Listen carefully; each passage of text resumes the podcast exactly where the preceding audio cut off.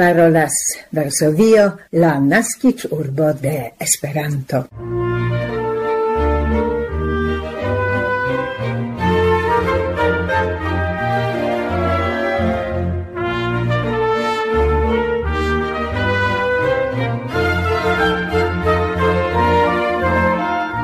Varme bonvenigas vin, carei auscultantoi cae radioamicoi, la tuta skipo de la Varsovia Pola Retradio en Esperanto. En la 1292 elsendo faras tion tute aparte Barbara Pietrzak, Milada Szwedo, Pamela Krzypkowska kaj Maciej Jaskot, proponante komence aktualaĵojn. Nur anta unu semajno dum la sanktvespera tempo multei el ni alrigardante la cielon vane serĉis la unuan stelon. Bedaurinde la lumpo luado progresas. Nea scienz bultena temo concernas esploro in pritio rilate Pollandon. La tridecan de decembro, eu diras nia lasta esperanto elsendo en 2023, ni referenzos do nesen cause alla Torina UCO, cae aparta la programero inritanta al la Universala Congresso 2024 en Arusho, Tanzanio, por reliefe atentigi che la unua l'it periodo passo jam morgau, la 31 de decembro 2023. Comenzo che signoroi tradizie invitas al nia nova svolteno.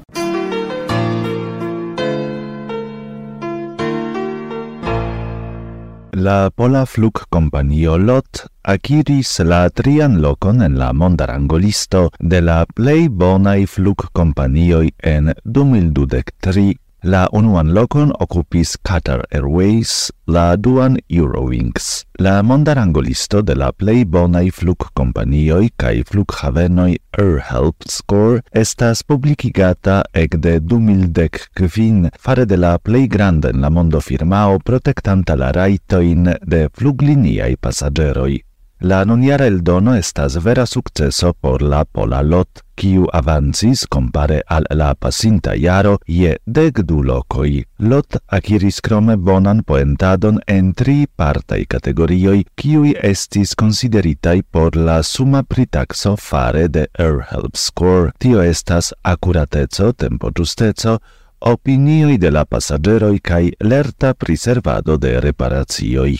La Pola Flug Companio en la rangolisto aciris crome la unuan locon, se temas nur pri Europo, sur la sekvaj lokoj ektroviĝis Colomo kaj Wizer.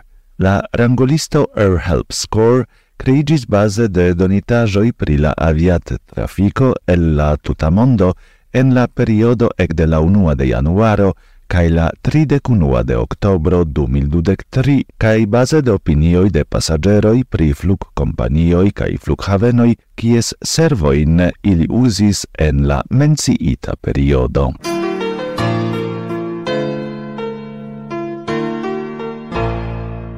daure en multai polai domoi cae publicai locoi, dank alla ornamitai crisnascai pinglo arbetoi, regas la festa etoso. Crisnascai arbetoi accompanos nin dum la por ocasai rencontigioi, baloi cae eventoi ligitai cun la bonvenigo de la 2024 jaro. Pollando appartenas al unu el iliai plei grandai productantoi en Europo, tui post Austrio cae la Scandinaviai landoi. Pasintiare la valoro de la pola mercato egalis al circa quincent milionoi da zlotoi. Lau taxoi, ciu jare en Pollando oni vendas inter quin cae ses milionoi da crisnascai arbetoi ofertas ilin privatai cultivantoi, cae ancau la entrepreno statai arbaroi. Tio signifas dec procentoin de ciui crisnascai arbetoi en Europo, char ciu jare europai clientoi acetas almenau quindec milionoin da ili. La plei granda exportanto estas Danlando, el kiu devenas circa ses gis sep milionoi da kristnaskai arbetoi. Gia propra bezonateco estas taxata je circa 700 mil arbetoi la plejmulto estas exportata al Germanio. Citiu lando ne nur importas crisnascain arbetoin el Danlando, sed ancau mem produktas pingloarbojn en la kvanto de dudek kvin ĝis tridek milionoj. resta restas sur la landa mercato. En 2022 la exporto valoro de la polai crisnascai arbetoj egalis al kvardek unu komo kvardek tri milionoj da zlotoj, kaj tiu valoro de jaroj kreskas. Ili cefe trafas al la landoi, tiai kiel Danlando, Francio kaj Rumanio. Pollando, krom kultivataj vivaj arbetoj, productas ancau popularain inter clientoi artefaritain cristnascain arbetoin. Ilia producto centro estas la komunumo Kożegłowy en la suda Pollando, kie funkcias prescau du mil produktofirmaoj. Tie la productado de plastai crisnascai arbetoi comencigis en la mezo de la okdekaj jaroj.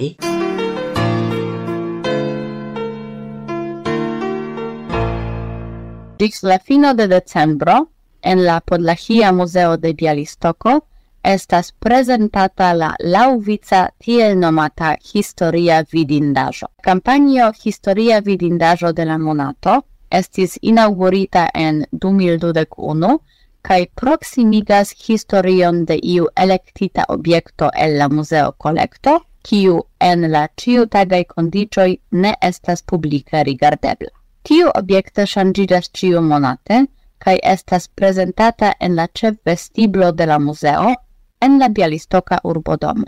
En decembro temas pri vojaĝa skrib kompleto el la artefako de la museo. Tio estas la devenanta el Germanio ornama kesteto, kun kompleto de necesaj skrib akcesoraĵoj, vitra inkujo, osta papertranĉilo, krajoningo por grafitoj cae gravurilo por stampoi cun la monogramo QU. Ciui elementoi de la script completo estas rice ornamitai per rosmotivo cae ovalo en la perla mota cadro. La vojaĝa skribkesto estas kovrita per nigra papera imitajo de silko, interne tegita per kremkolora veluro. La Podlachia Muzeo en Bialistoko estas la plej granda cispeca kultur institucio en la regiono, kiu krom la cefa sidejo havas ok regionajn filioin, al kiuj apartenas inter alie Muzeo de Ikonoj en Supraŝ kaj la Muzeo en Pikocin Sinagogo.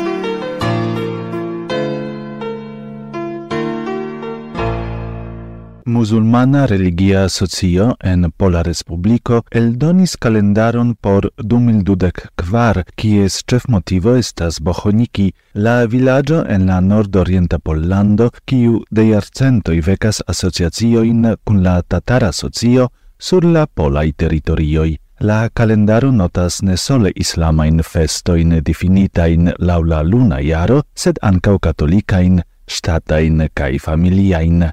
La calendaron ornamas fotoi el la iaroi 2019-2022, kiui en plimulto rilatas al Bohoniki mem, inter alie gia ligna moscheo. Sed crome tio estas fotoi pri la dua ligna moscheo en Pollando, tiu en Kruszyniane, pri musulmana tombejo, pri moscheo de Bialistoko au tatara kulturcentro de Islamo en Suhovola.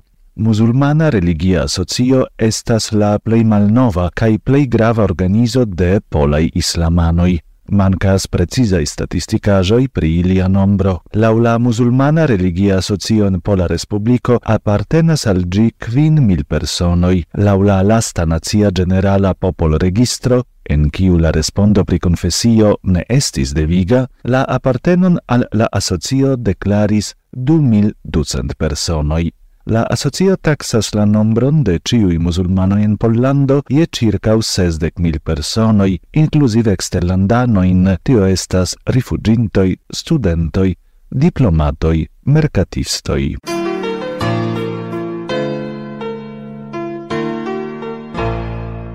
Pola Retradio daurigas la Esperanto sendon. Se vi volas que lo pac, lo Ovidiu em cores partes do fratal domingo,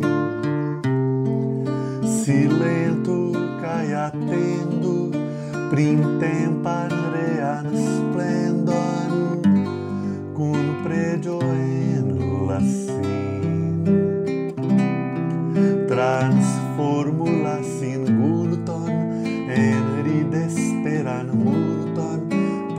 Pri la morgau ave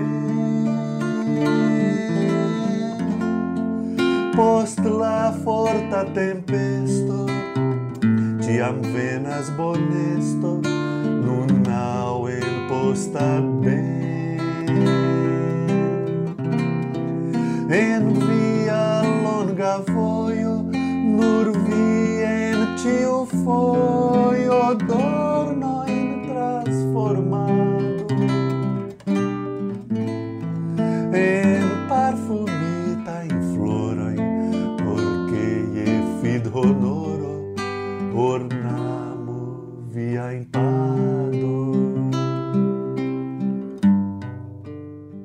la brasilan canton pri paco, tradukis al Esperanto kaj kantis el elsendo fragmente Flavio Fonseca. Parolas Varsovio, la naskic urbo de Esperanto.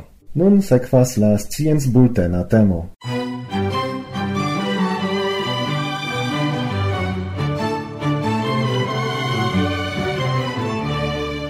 La Centro por la Cosmei Esploroi de la Pola Scienza Academio kai Light Pollution Think Tank publikigis raporton pri la lumpoluado en Pollando.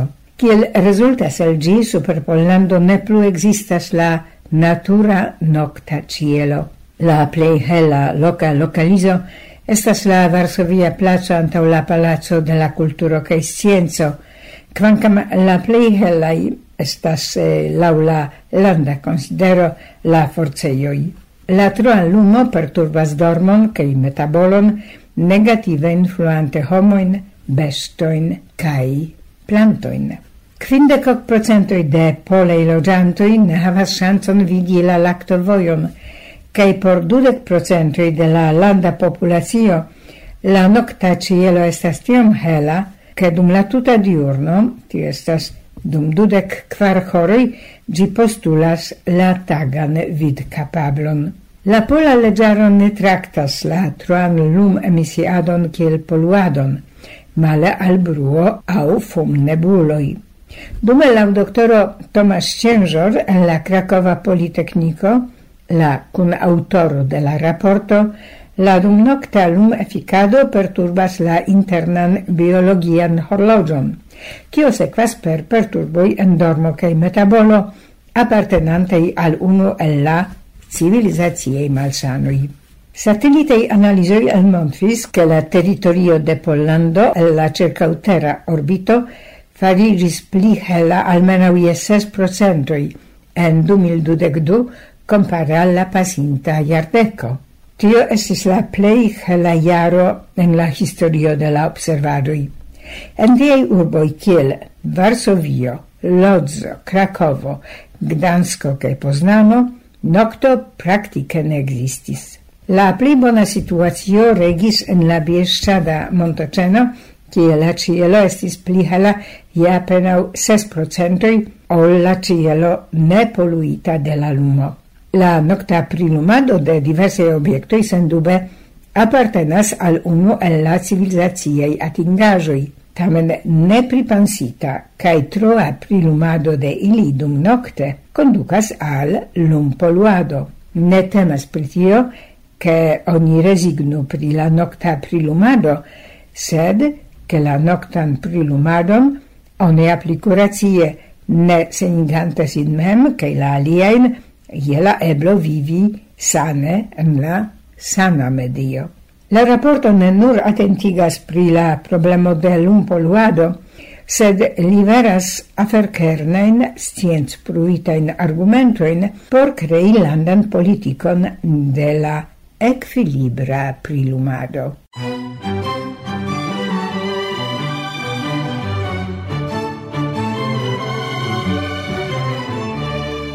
citie Pola Retradio parolanta en Esperanto. En nia 1292 programo la lasta elsendo el la 2023 jaro ni denove proponas referenci alla tagoi de la Torina UCO por fragmente cerpi el unu el giei lastei programeroi invitantei alla Universala Congresso 2024 en Africo. Ni samtempe attentigas che morgau passas la unua favor presa alic periodo al citiu congresso.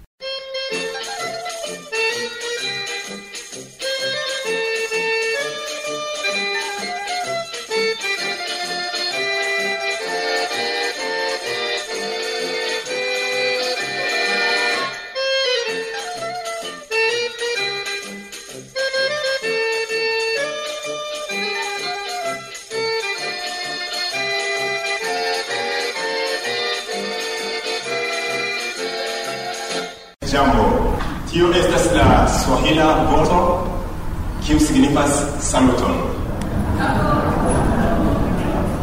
Ai, mi salutis vin tiel, ĉar venontjare okazos la eksterordinaran kongreson en Afriko. Do mi devas komenci aktimiĝi, diri saluton kiel ĝambo.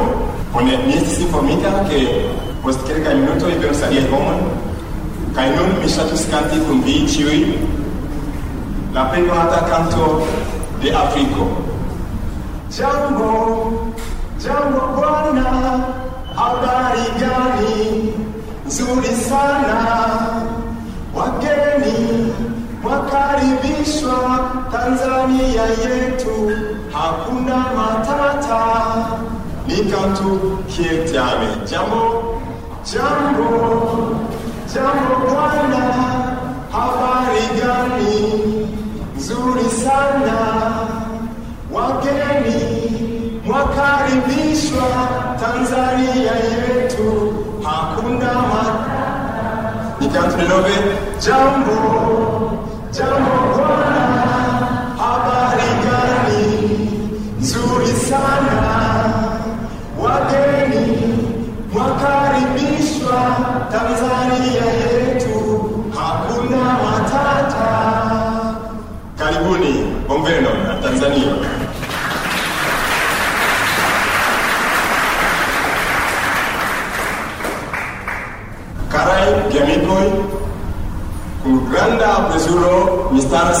vi ĉi tie por informi al vi pri la venonta kongreso kiu okazos en Tanzanio. Ĝi estas la extraordinara kongreso ĉar neniam okazis en Afriko. Estas la unua fojo ke ĝi okazas en Afriko. Jen Tanzania, Arusha, Kilimanjaro. La plej konata nacia parko Serengeti ankaŭ bonvenigas vin. Michiam Kagelonger demands me quelqu'un demande moi. Yamukas muuten congresso. En diversaj parto de la mondo. Exemple. Pli ol okdek en Eŭropo. Kvin en Nordameriko kaj eĉ kvin en Centra kaj Sudameriko. Ok en Azio. Eĉ en tiu malgranda parto Oceanio jam okazis la Universala Kongreso. La nura demando, kiam en Afriko, ec la mapo mem montras ke ĝi estas granda kontinento, sed neniam okazis la Universala kongreson. La kontinento Afriko havas vigrajn kaj entuziasmajn movadojn, ĉar ec la Afrika Komisiono de UEA havas junulojn kiu estas tre forta kaj vigraj, ili estas kuraĝaj kaj laboremaj. Estas ankaŭ homoj, kiuj jam spertiĝis pri kiel organizi internaciajn kongresojn. Vi povas ankaŭ atesti tion, ĉar dum la pasinta kongreso en Senegalo okazis la oka Esperanto Kongreso de Afriko kaj ĝi estis tre sukcesa kaj fruktodona. Kial ne la Universala Kongreso en Afriko? Ni ĵus lanĉis la retradion en Afriko, kiu helpos afrikanoj kaj aliaj homoj tra la mondo lerni Esperanton kai per tiu ritradio ankaŭ diversaj informoj atingos homojn kial ne en Afriko. Mi sincere kaj nome de aliaj afrikanoj esprimas mian sinceran dankon al la strategia prioritato de UEA pri tutmondigo kaj universaleco ĉar dum la jaro 2017 Ulea se s'organisi la unuan African Universal Convention en Afriko ne pli malfrue ol 2012 kvar. Kaj tiu sonĝo ankaŭ Ulea esprimis la deziron kongresi en Afriko dum 2011. Dum la jaro 2013 Ulea anoncis oficiale ke Tanzanio estas la kongreslando por naŭ por la centnaŭa Universala Kongreso. Do ni ci foie ilas al afriko por kongresumi sub la monto Kilimanjaro. Kial en Tanzanio ĉar la lando Tanzanio estas turisma arogando kun milionoj da visitantoj el ĉiu mondpartoj. Do por homoj kiuj jam havas timojn kaj dubojn ke ĉu ni vere iros al Afriko, ne dubu, ĉar Tanzanio estas turisma loga kiu ricevas multajn turistojn el diversaj partoj de la mondo. Vidu ke Tanzanio havas tri el la sep mirindaĵoj de Afriko. Eble jam aŭdis pri Serengeti nacia parko, aŭ jam eble aŭdis pri Ngorongoro kratero. E se vi ne aŭdis pri tio, jen ni invitas vin al Kilimanĝaro, la plej alta monto en Afriko. Ĝi petas gastigi vin. La lando estas sekura, ĉar eĉ multaj homoj timas. Ĉu estas sekura lando ĉu ni estos ankaŭ sekura? La lando estas sekura kaj ĝi havas bonveniga medio home kaj vetere por tio ni kantas ĉiam Tanzania yetu hakuna matata? La lando Tanzanio havas fortan Esperantan movadon, ĉar dum la jaro du mil dek du UEA aprobis la landan asocion EATA kiel la la socio de UEA, sed tio ne signifas ke neniam estis la landa socio. Char antaue existis la landa socio, tamen dormentis sed.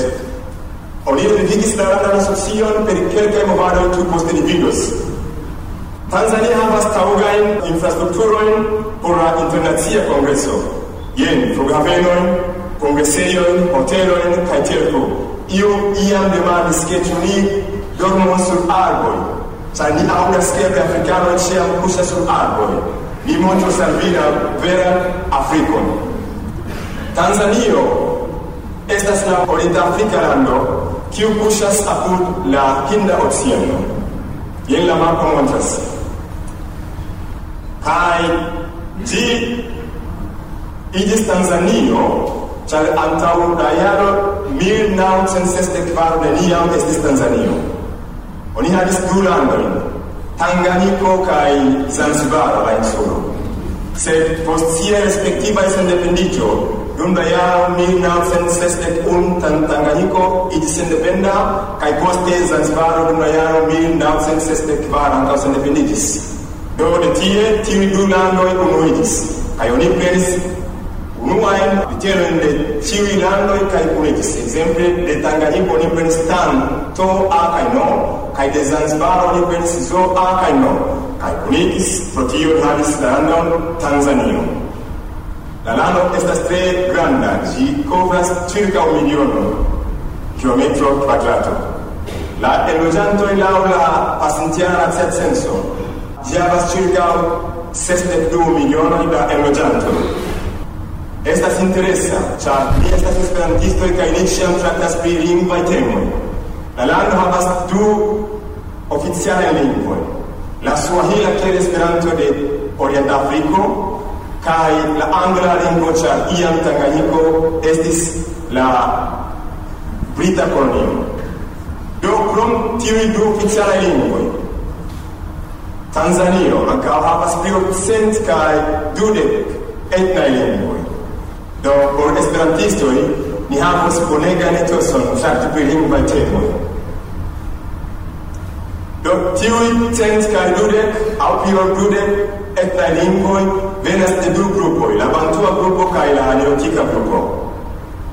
Estas iomete malfacila diri pri la akulturo de Tanganiko, de Tanzanio, ĉar ĉiuj cent kaj dudek lingvoj havas siajn proprajn akulturojn. Sed la plej konata kiel mi vestas kaj sinjoro Gendo povas povas stari kaj li reprezentas iun plej konatan kulturon de masaj homoj. Do vi dispentos bonegajn kulturojn de tanzanianoj estante en tiu bela lando. Pri manĝaĵoj havas diversajn bongustajn manĝaĵojn por veganoj kaj eĉ vegetaranoj. Do mi mallonge ŝatus presenti pri la kulturo de masaj pomoj. Ili estas pomoj kiu loĝas en arbaroj ĉiam apud tiu granda nacia parko Ngorongoro. Pro tio eble homoj havas senton ke afrikanoj ĉiam kuŝas sur arboj kaj loĝas en arbaroj. Sed tiuj masaj homoj zorgas pri bestoj ĉiam. Pro tio uh, ili zorgas bestojn en arbaroj. Kaj por masaj homoj bestoj signifas riĉecon. Virinoj havas siajn proprajn laborojn, same kiel kiel viroj. La plej bongusta manĝaĵo de masaj estas roŝoro, kiu estas la miksaĵo de lato kaj maizo. Parte ili ankaŭ trinkas sangon de bovoj. Kaj ankaŭ ili manĝas viandon kiel sia manĝaĵo. Jen la manĝaĵo por veganoj kaj aŭ vegetanoj. Multe da frukto estas tiel Tanzanio, naturaj fruktoj. Tanzania estas riĉa je pentraĵo. Tinga Tinga pentraĵo estas unu el la plej konata pentraĵoj de Tanzanio. Ĉar iam iu kiu nomiĝas Ever Tinga Tinga kreis tiun pentraĵon kaj estas mondkonata. Tiuj kiu estis nian budon tie vi vidis tiun pentraĵon tre bela. Danke al vi ĉiuj kiuj subtenis niajn komandas uzante tiujn materialojn tie. Ĝi ankaŭ havas la forta loka kongresolidato. Inter ili estas homoj kiuj jam partoprenis diversajn universalajn kongresojn. Sed ankaŭ estas novuloj kiu dum ĉi tiu kongreso venis por spertigi kaj ankaŭ praktiki a kiel organiziĝas la universala kongreso.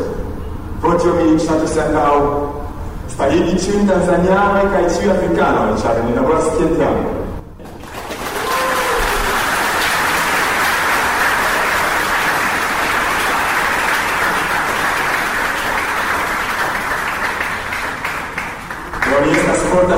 Krom tio Tanzanio havas fortajn esperantajn movadojn.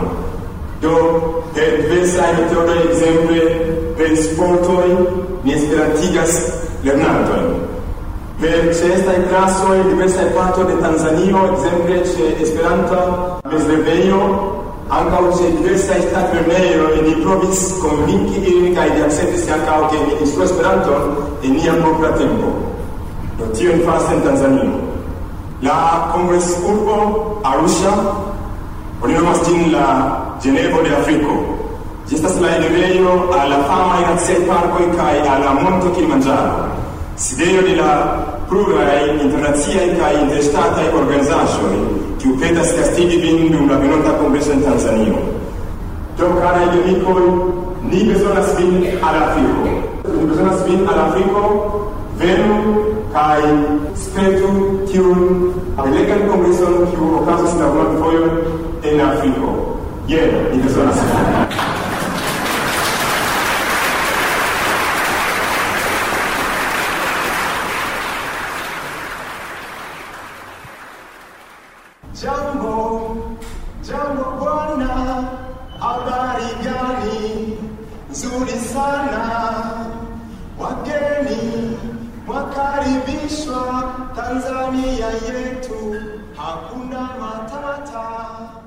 carei auscultantoi, carei radioamicoi, soile de la finiranta 2013 cae proximiganta 2024 iaroi acceptu de nia redaccia skipo, de nia tuta redaccia skipo, la desiroin de paca, cil prospera, cae successa 2024 por vi persone, por viei familioi, por nia Esperanto comunumo.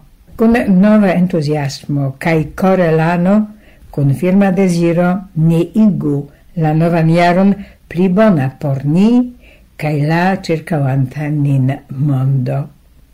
Se vi desiras, che sul tiu ci voio, en dume dudec kvar, accompanu vin anca unia modesta, Esperanto redaccio el Varsovio, Pola Retradio en Esperanto subetenu nian laboron per viei recenzoj, sed ja ancau consilei reagoi.